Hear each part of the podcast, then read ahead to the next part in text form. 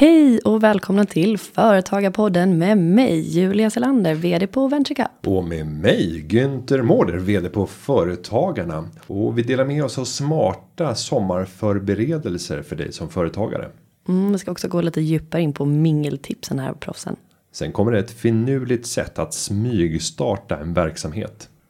Och vilka pengar i ett bolag får man egentligen spekulera med på marknaden? Detta och mycket mer i ett köttigt avsnitt av Företagarpodden 2.0. Glöm inte bort kära lyssnare att det är ni som skapar innehållet genom att ställa era frågor, tips, kommentarer på hashtaggen Företagarpodden eller på formuläret.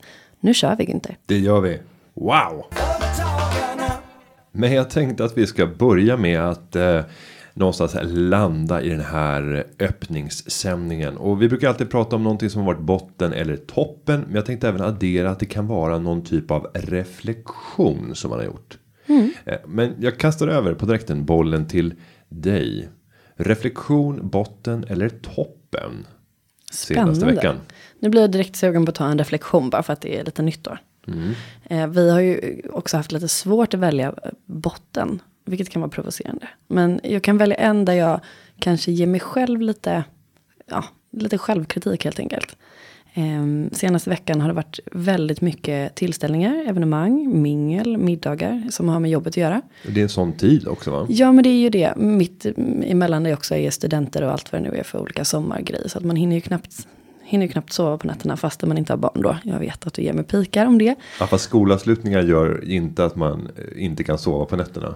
Då har du aldrig varit på skolavslutning med mig. Inte? Nej, nej, nej. Nej men eh, skämt åsido, det har varit högt tempo både på jobbet, saker som ska göras klart och mycket event. Och i fredags så hade jag det stora nöjet att vara på en frukostklubb som eh, McKinsey har. Eh, och ja, men du vet, jag var liksom inbjuden av våran styrelsemedlem och jag hade nog inte varit där annars. Har ju övat mig länge på att se ut som att jag passar in och smälter in i sådana här tillställningar. Men det är ändå så att jag eh, passar ju på när det bjuds va. Mm. Ja, men ett sånt tillfälle tackar man väl inte nej till? Nej, nej, nej, självklart inte. Men jättebra. det blev så, jag var tvungen att fnissa lite åt mig själv. Att jag kommer dit tre minuter innan det ska börja. Då har man styrt upp en magisk frukost. Och frukost är det bästa jag vet i hela världen. Så det är handgjorda croissanter, det är chia-pudding, det är liksom färskpressad juice och det är, ja, det är hela faderullan. Så jag lassar ju på. Och så ska jag hälsa på alla då. Mm, det går ju halvbra. Och sen så går jag in och sätter mig eh, senast av alla. Och då finns ju bara platserna längst fram kvar. Men du kom, du kom först. Nej, jag kom absolut inte först. Jag kommer ju jag kommer alltid. Nej, men om du kom tre minuter innan. Vad menar du? Ja, det var tre minuter innan eh, själva Ja, ja, nej, nej, nej. föreläsningen Okej, skulle komma. förlåt, nu formulerar jag mig fel. Tre minuter innan föreläsningen skulle köra Ja, igång. för jag skulle såg jag... att du stod och hängde på låset. Nej. Det är låst, öppna. Nej, men det är tre minuter kvar. Julias Lander, avvakta. Vd för VentureCup. Nej, det hade nog varit du, tänker jag. Så man hinner äta i lugn och ro så Ja, mycket som möjligt. är Jag är mer, vi kör.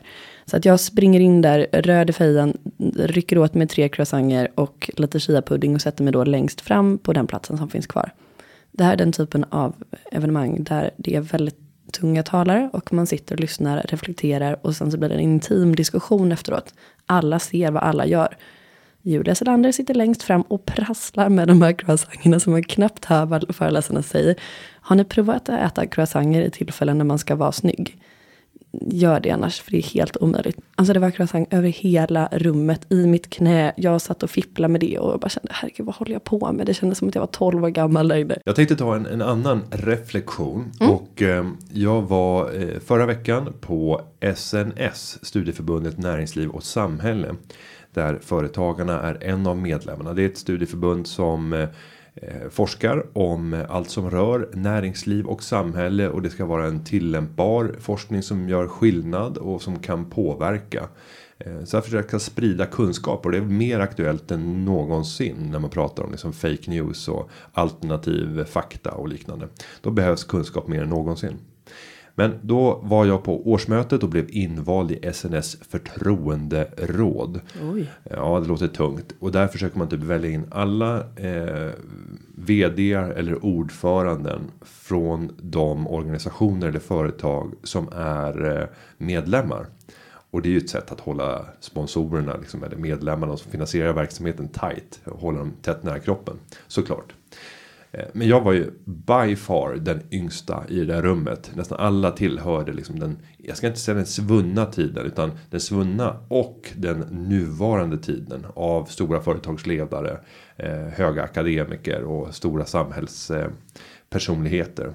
Pampigt. Ja, väldigt pampigt. Och sen avslutas det här med ett litet sommarmingel. Och jag var ju kvar sist såklart. Eh, och av eh, skälet att jag skulle gå på det här så hade jag tackat nej och skulle bli invald också i förtroenderådet så hade jag tackat nej till Norrskens stora startfest för deras eh, stiftelse Norrsken Foundation. Så när jag är på väg tillbaka till kontoret efter det här sommarminglet så går jag förbi spårvagnshallen där Norrsken sitter. Och så reflekterar jag när jag ser den kön som ringlar. Trots att festen då har börjat långt mycket tidigare så kommer ju alla mycket senare. För det ska man göra. Det är bara jag som kommer tidigt. Ehm, så ser jag i den där kön att här står alla som på något sätt profilerar vår tid när det gäller startup-världen, när det gäller det nya näringslivet. Och på något sätt så kändes det som att det är egentligen här jag ska vara, inte på SNS. För där tillhör, där var alla de som har varit någonting eller är någonting men på väg eh, att lämna över till nästa generation. Men så slog det mig ändå att shit, vi borde blanda Alltså varför står vi så separerade? Jag var ju den yngsta där på SNS. Eh, jag hade passat väl in på, på norrsken. Även om jag hade betraktats som lite gubbig. Trots att min ålder hade varit kanske lite lägre än snittet ändå. Eh, men jag skulle vilja se att vi blandade. Vad hade hänt om vi tog hälften av det gänget som var på norrsken. Och skickade dem till SNS. Och hälften av gänget som var på SNS. Och skickade dem till norrsken.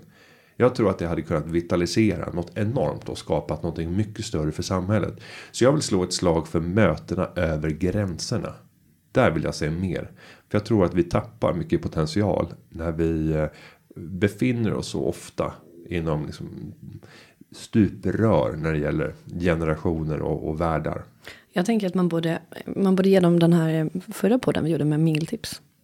Ja, det skulle man Och kunna så får man kanske kvotera in, så hälften hälften. Så får man skriva in sin ålder på varje mingel man skapar. Ja, och sen så tror jag inte bara att det är en ålder. För jag, jag känner mig nästan eh, mer hemma i det här gamla föredettingarna. Där känner jag mig nästan mer trygg eh, i en sån miljö än vad jag skulle göra i den liksom yngre, mer hippa världen. kan man säga Just så? att du använder uttrycket hipp också. Otroligt gulligt. Nej men du är ju en sån som funkar i alla situationer. Det är ju hårt jobb bakom att det, att det är så. Men jag menar, ja. Ja, fast jag är, inte så, jag är inte så cool i den här eh, yngre, mer medvetna världen. Jo, det är det väl. Ja, det vet jag inte. I, i, inte i attribut, attityd och så vidare. Men, men det jag skulle vilja till det är i alla fall de här mötena sinsemellan. Mm. Och där kan vi fundera tillsammans. Vad, vad, kan vi åstadkomma när det gäller det? Och kanske återkomma med, med förslag på hur vi skulle kunna bli en katalysator. Inte själva se till att det händer. Utan hjälpa till att få andra att se till att det händer. Ja, vi återkommer. Ja. Vi kastar oss in i eh, avsnittet och vi har en mängd frågor. Men innan dess så har vi fått ett vackert tårdrypande eh, mail från en lyssnare. Gud vad spännande. Eller vi ska säga att det har skickats in via formuläret på foretagarpodden.se där mm. man kan skicka in eh, reflektioner eller frågor till podden. Julia, vad står att läsa? Så här står det. Hej Günther och Julia. Måste tacka er för en superpodd. Günther, du och din radarpartner Jan snärjde mig förstås redan i Sparpodden med era mysiga stämmor och programmets matiga och lärorika innehåll. Har följt dig som trogen lyssnare sedan dess. Skriver nu för att berätta att din skönsång tyvärr är slagen. Och ska jag ta över nu? Gör det. Ja, det trodde du inte va? Utmanaren är förstås din kollega i podden. Det är helt fantastiskt att höra Julias ljuvliga stämma. Hon är för mig något ofattbart behagligt att lyssna på. Det var lika fin skönsång som alltid från hennes sida trots hårt leverne den gångna veckan. Önska att ni båda två blir ljudboksuppläsare. Jag skulle lyssna oavsett innehåll. Om ni skriver egna böcker är ni förstås båda en solklar uppläsare av era alster. Många nätter som har blivit Många nätter som jag blivit vaggad till söms och behöver lyssna om och om igen på avsnitten för att inte missa något. Tack Günther och Julia. Med vänliga hälsningar Roger. Nej men jag kan inte prata, jag är så röd i ansiktet här nu. Alltså, man kan ju tro att det är jag själv som Ja, men, men, men och då måste vi också säga när i tiden under veckorna som vi spelar in de här avsnitten. För det kan ha en viss inverkan på vår röst.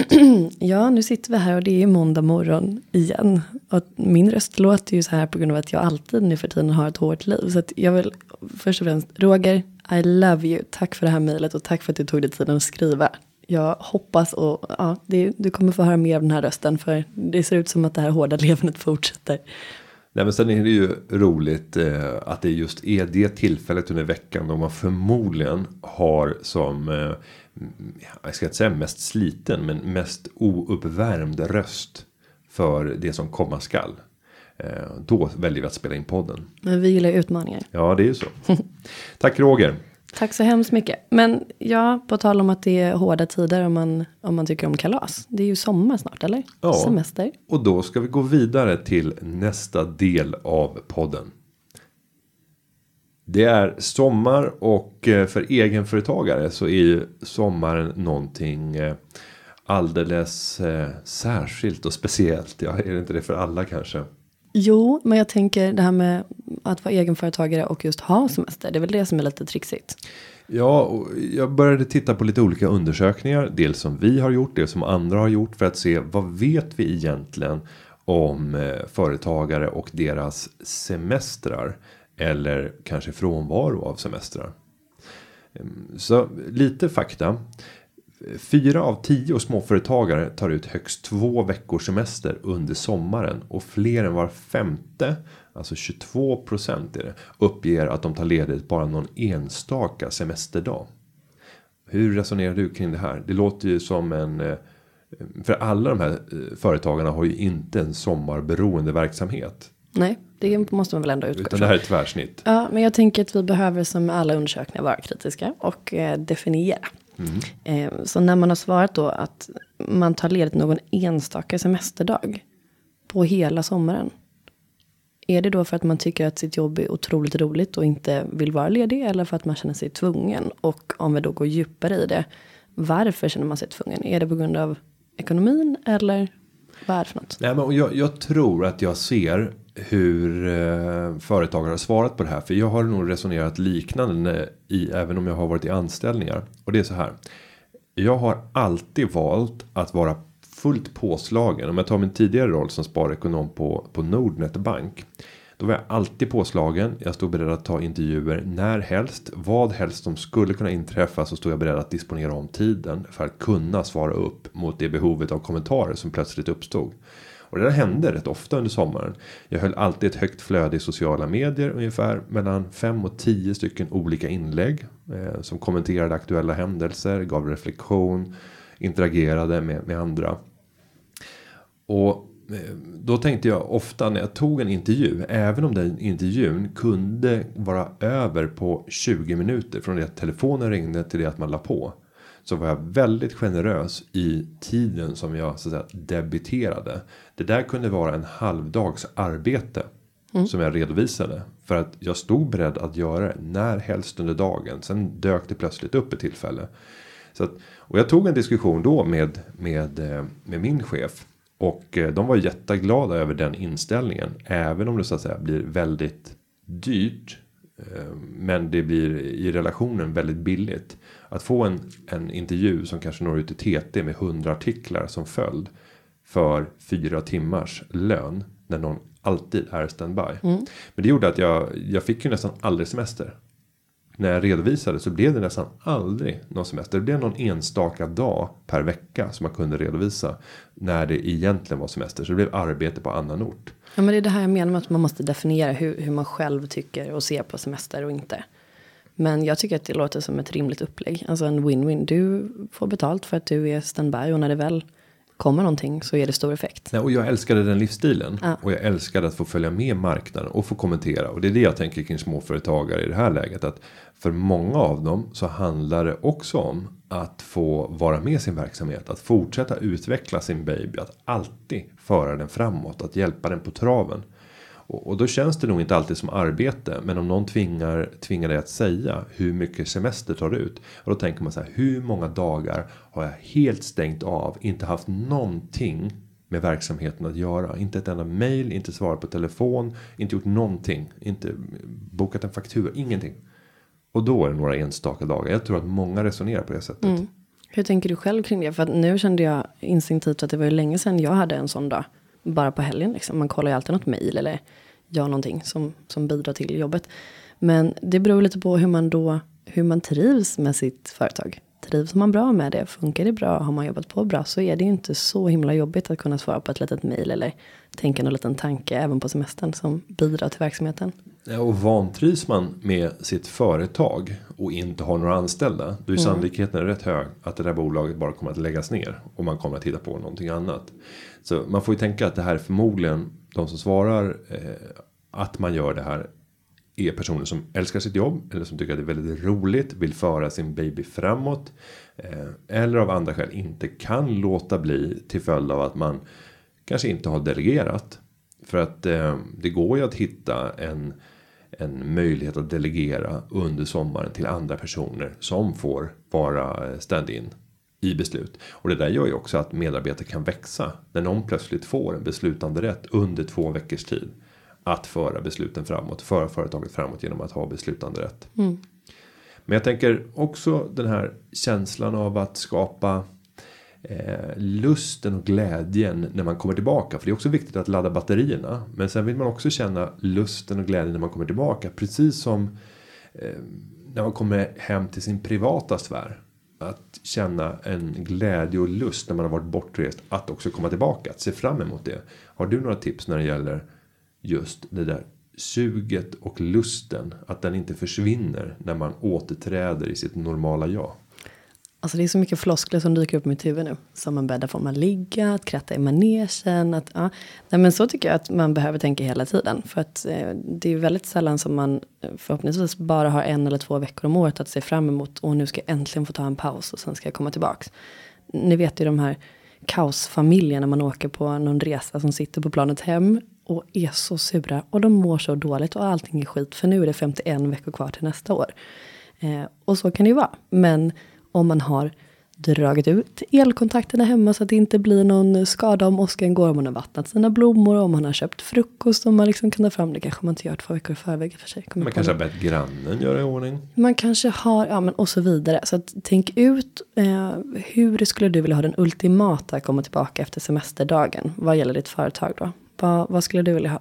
En lyxig frukost istället för dina gamla knäckebröd kanske? Eh, nej men jag, jag gillar ju också att komma in i rutinerna igen. Och då är knäckebrödet viktigt. Däremot så får det vara överraskningar ovanpå knäckebrödet. Alltså att komma till arbetsplatsen och sen så väntar en överraskning. Och man vet inte vad det är. Men tänk så här, om man är, är soloföretagare, mm. då, då är det svårt att tänka sig att undra när jag kommer tillbaka till mitt lilla jobb här, om jag har en liten lokal, om det är någon överraskning när jag kommer.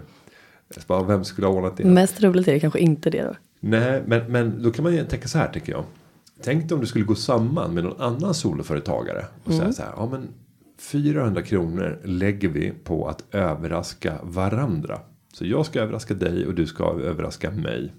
Och Som en vi... välkommen tillbaka efter semestern present. Ja, ja, för då blir det också så här att åka till jobbet som soloföretagare med ett pirr i magen. Det kanske är så att man, man inte ens har någon lokal.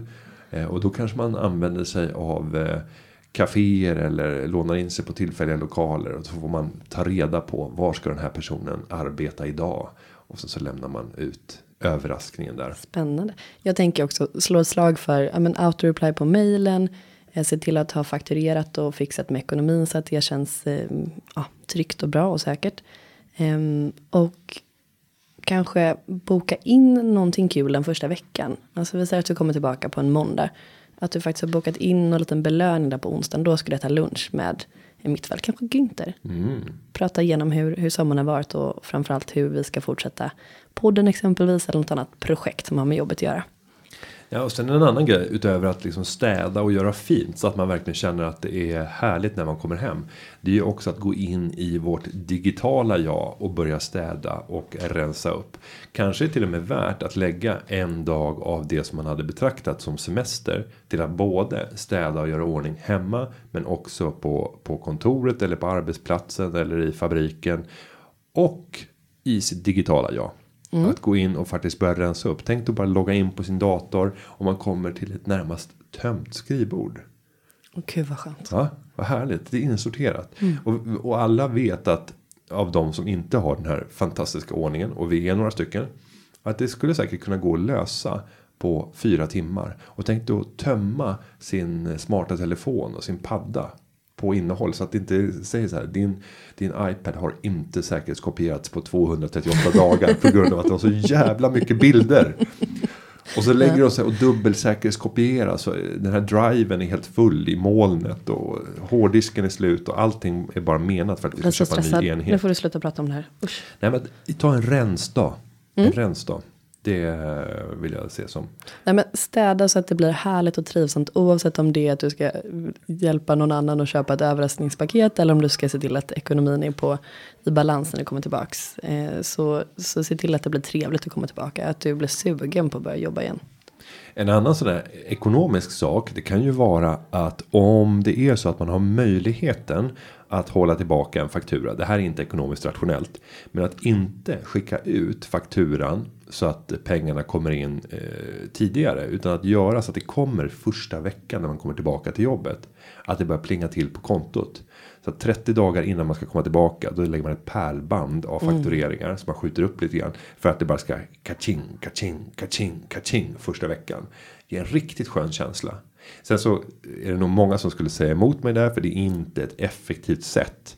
Att, att managera sitt kapital. Man ska ju fakturera så fort man bara kan. Ja men det här är För ett att minska- undantagstillstånd. Ja, det här är ju för att vinna känslor som är svåra att kunna vinna genom att bara fakturera precis när uppdraget är slutfört. Och så lyssnar du på Det går bra nu med Petter.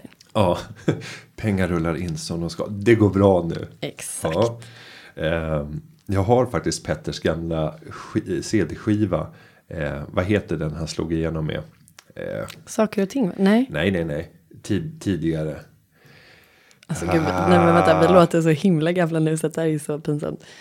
Ja, va, va, beskriva det på omslaget då. Ja, det är ju Petter själv på Ja, omslaget. okej. Mm. Det, det är inte så mycket mer. Han står i en sporttröja. Eh, ja, rakad som han är. Strunt samma. Men den brukar jag lyssna på när jag har sommarbilen. Sommarbilen som för övrigt eh, också är, är till salu nu. Eh, så att eh, om ni är. Jag kanske ska sälja den idag. Det kommer den och tittar. Men om ni behöver en sommarbil så kan ni få köpa min Lexus E SC 430. Nu fick jag lite smygmarknadsföring här. En underbar eh, cabriolet. Med, och och jag, kan, jag kan kasta på. Jag lägger på. Jag gör så här. Jag lägger på Petter-skivan. The original, alltså din första. Inte min första CD-skiva. Men din första Petter-skiva. Ja, det var min första Petter-skiva. Den någonsin. heter mikrofonkåt såg jag här nu. Nej, det är inte den första. Men vad fan så man dålig på att googla det? Ja, nej, det, den Ja, är. då kom det någonting innan 98. Ja, jag vill nog hävda att det här var 96 eller Mm. något sånt. Eh, det är en klassiker. 90, det här får vi kolla upp. Ja, Okej, men då i sommarbilen brukar du i alla fall lyssna på den låten och känna dig riktigt. Ja, och, och, Nöjd. och, och ska, ska, ska sockra ännu mer. Mm. För det är faktiskt en sex, eh, eh, sex stycken i skivor i CD-växlaren. Jag har även så att jag kan låta två stycken Ledin-skivor följa med också. Om det skulle vara så. Det är också riktigt somrigt.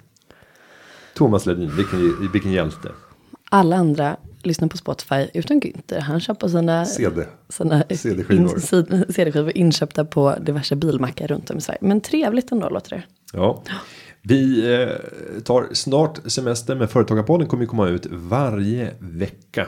Och vi har utmanat oss själva, nu kanske vi lovar för mycket, men vi har som ambition också att eh, även i år ge ut ett sommarprat. Ett med Julia och ett med mig.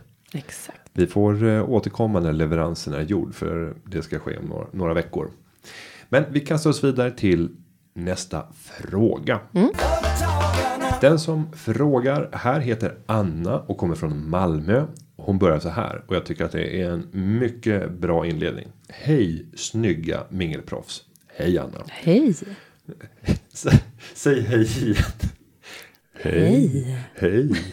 Men jag har ju fått, jag har fått cred här nu innan för att jag har en härlig röst. Då måste jag liksom leverera här. Ja. Hej, hej Anna. Som, som nybliven egenföretagare begav jag mig i morse iväg på ett frukostmingel.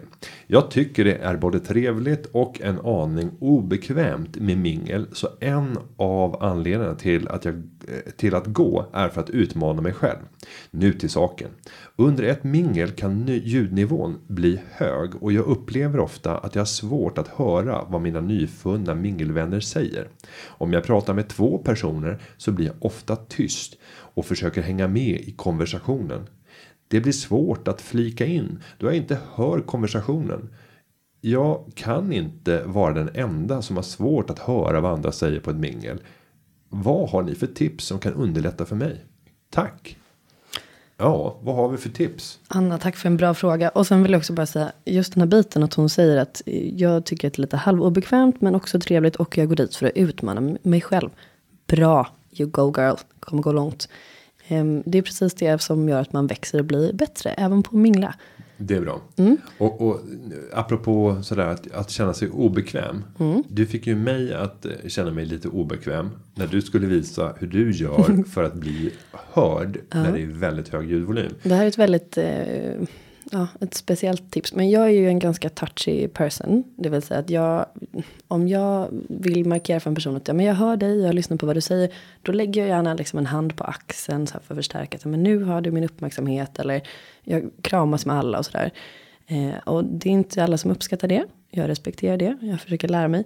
Men det mest effektiva tipset för att bli hörd bättre på ett mingel är faktiskt att böja sig fram stå nära eh, personens öra och sen så håller man lite lätt liksom runt örat så att man liksom trycker in den här lilla flärpen på deras öron för då hör de. Jag hör själv att det låter helt sjukt. Det här är sjukt. Alltså när jag fick uppleva det här. Det är så här.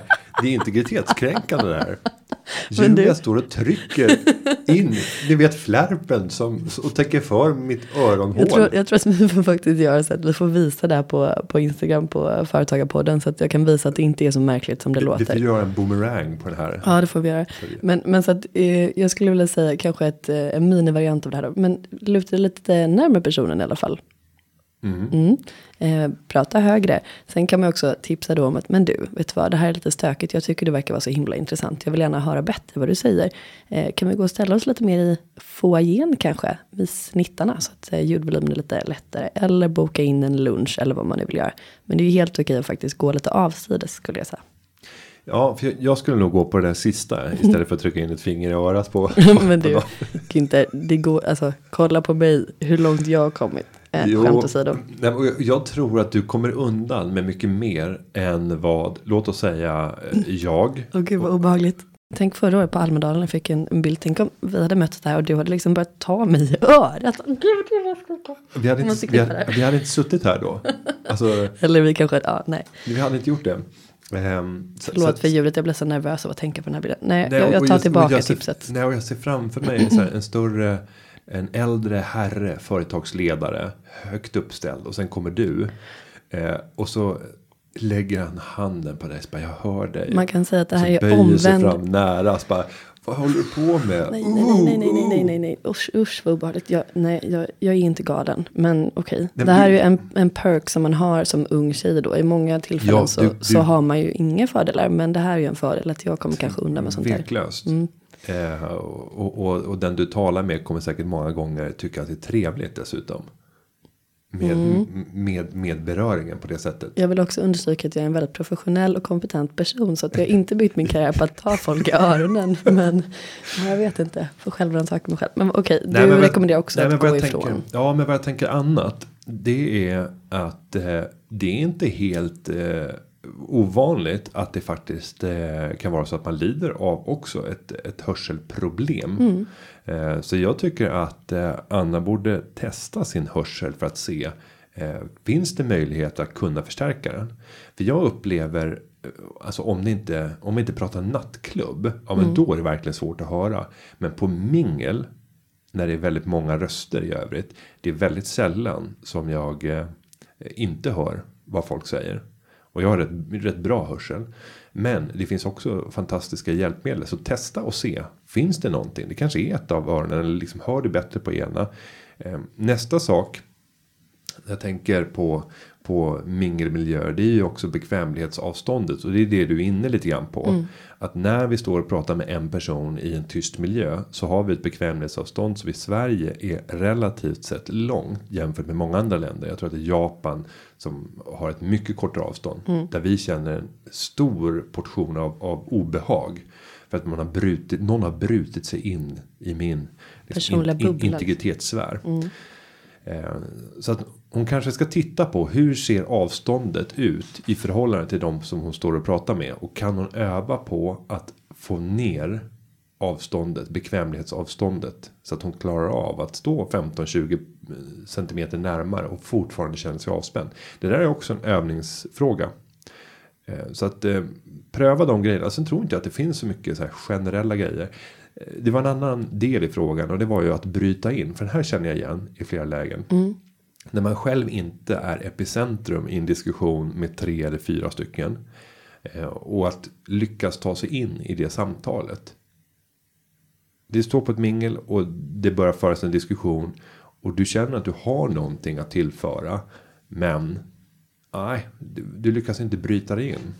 Mm, då tänker jag att en nyckel till att få folk intresserade är att börja prata om dem. Inte hålla med utan sticka ut.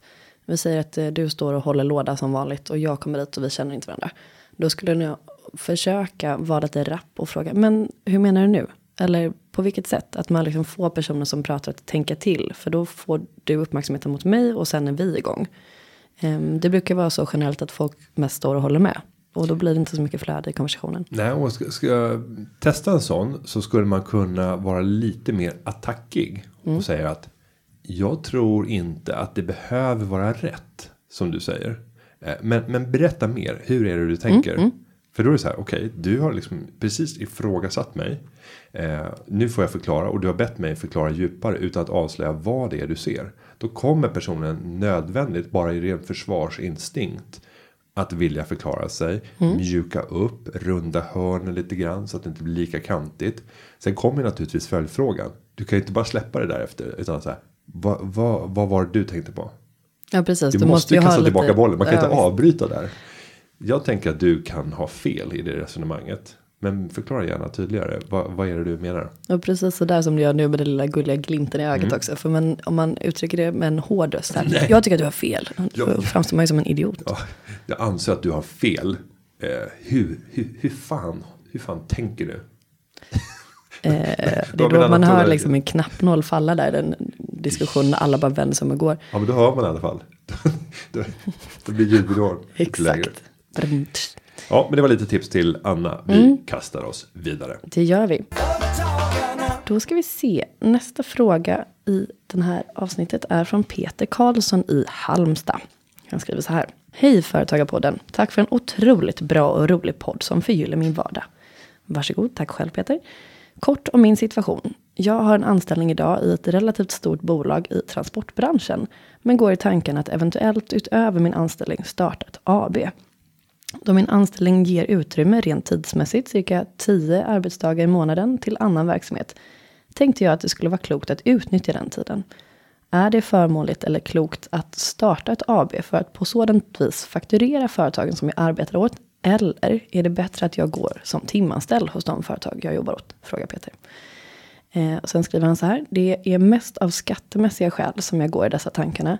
Brytpunkt för statlig inkomstskatt alltså.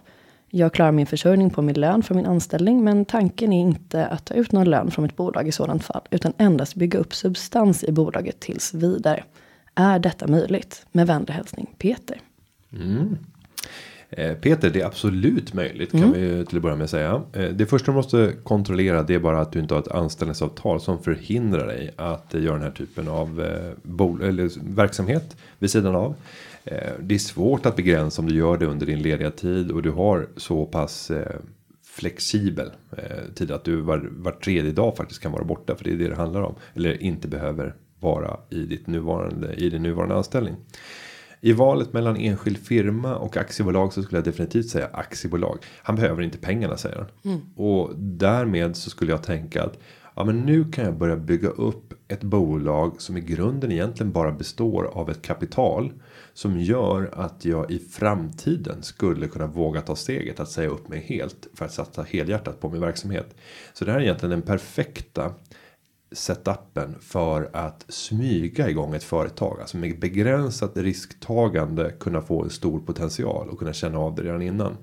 Men anledningen till att du ska välja aktiebolag det är att om du väljer enskild firma då kommer du att behöva ta ut alla pengarna varje år som lön. Så allt du fakturerar måste tas ut här och nu det här året som lön och det läggs på toppen av din inkomst. Och det gör ofta att skatten blir relativt sett hög eftersom du har ett eh, vad jag uppfattar fulltidsjobb i alla fall i ersättning betraktat.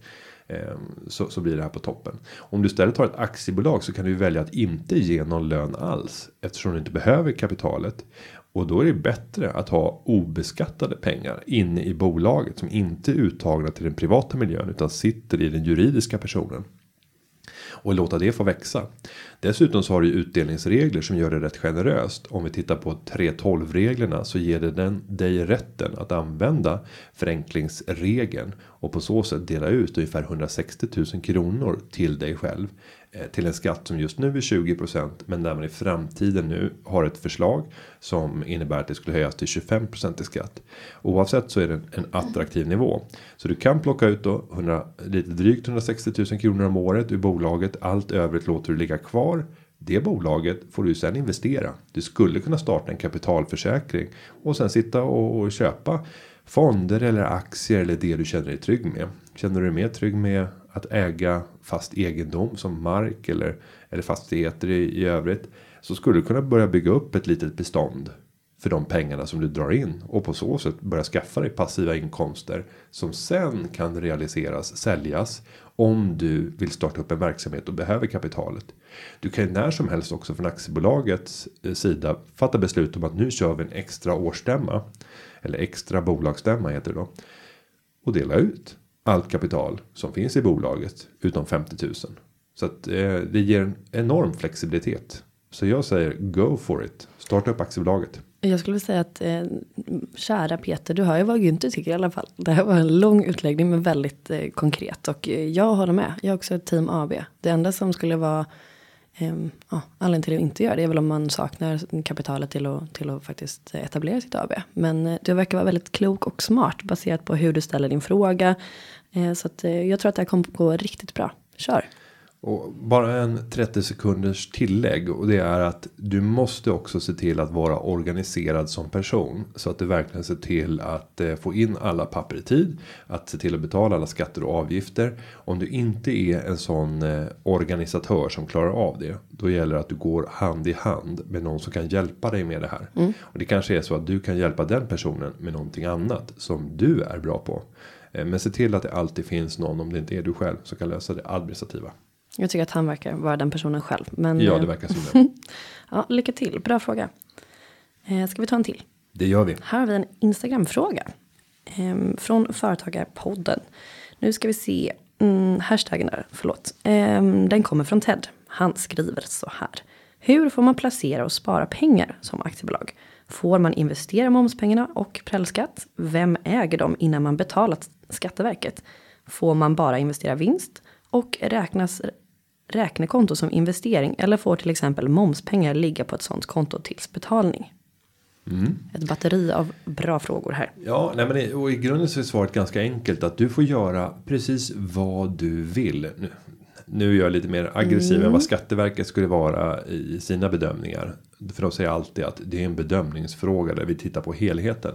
Men i grunden kan man säga att du får göra det mesta kan jag säga. Du får göra det mesta du vill när det kommer till investeringar med pengar som finns i din verksamhet. Mm. Det kan till och med vara så att du har eh, massor med leverantörsskulder. Du har massa obetald skatt. Du har inte betalat dina arbetsgivaravgifter, men det finns en miljon på kontot och det ska de här pengarna eh, ska ut i de här betalningarna kommande månaden. Det skulle rent eh, hypotetiskt få gå ut och investera det här i rätt riskfyllda tillgångar Eh, och, på så sätt eh, kanske ha chans att dubblera det här kapitalet på en vecka. Eller förlora allt på någon dag. Eh, men du har ju fortfarande kvar dina förpliktelser. Eh, och, det finns eh, naturligtvis stora risker med ett sånt här typ av beteende. Men det jag vill komma åt det är att du har väldigt stor frihet att investera. Men du har också skyldigheterna att alltid betala eh, det som du har ingått avtal med eller det som statsmakten på olika sätt har fattat beslut om. Så det ger dig en, en stor frihet. Eh, och sen så får du inte, nu ska jag vara lite försiktig här.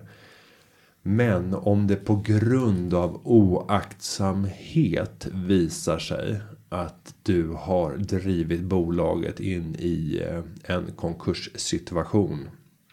Vad händer då när det gäller eh, din personliga betalningsskyldighet? Och jag skulle hävda att det beror lite, och nu är det ett lekmannasvar här. Men det beror lite grann på vad du har skrivit in i din bolagsordning. Om du har skrivit in i bolagsordningen att eh, en del av verksamheten är att bedriva kortsiktig handel med värdepapper.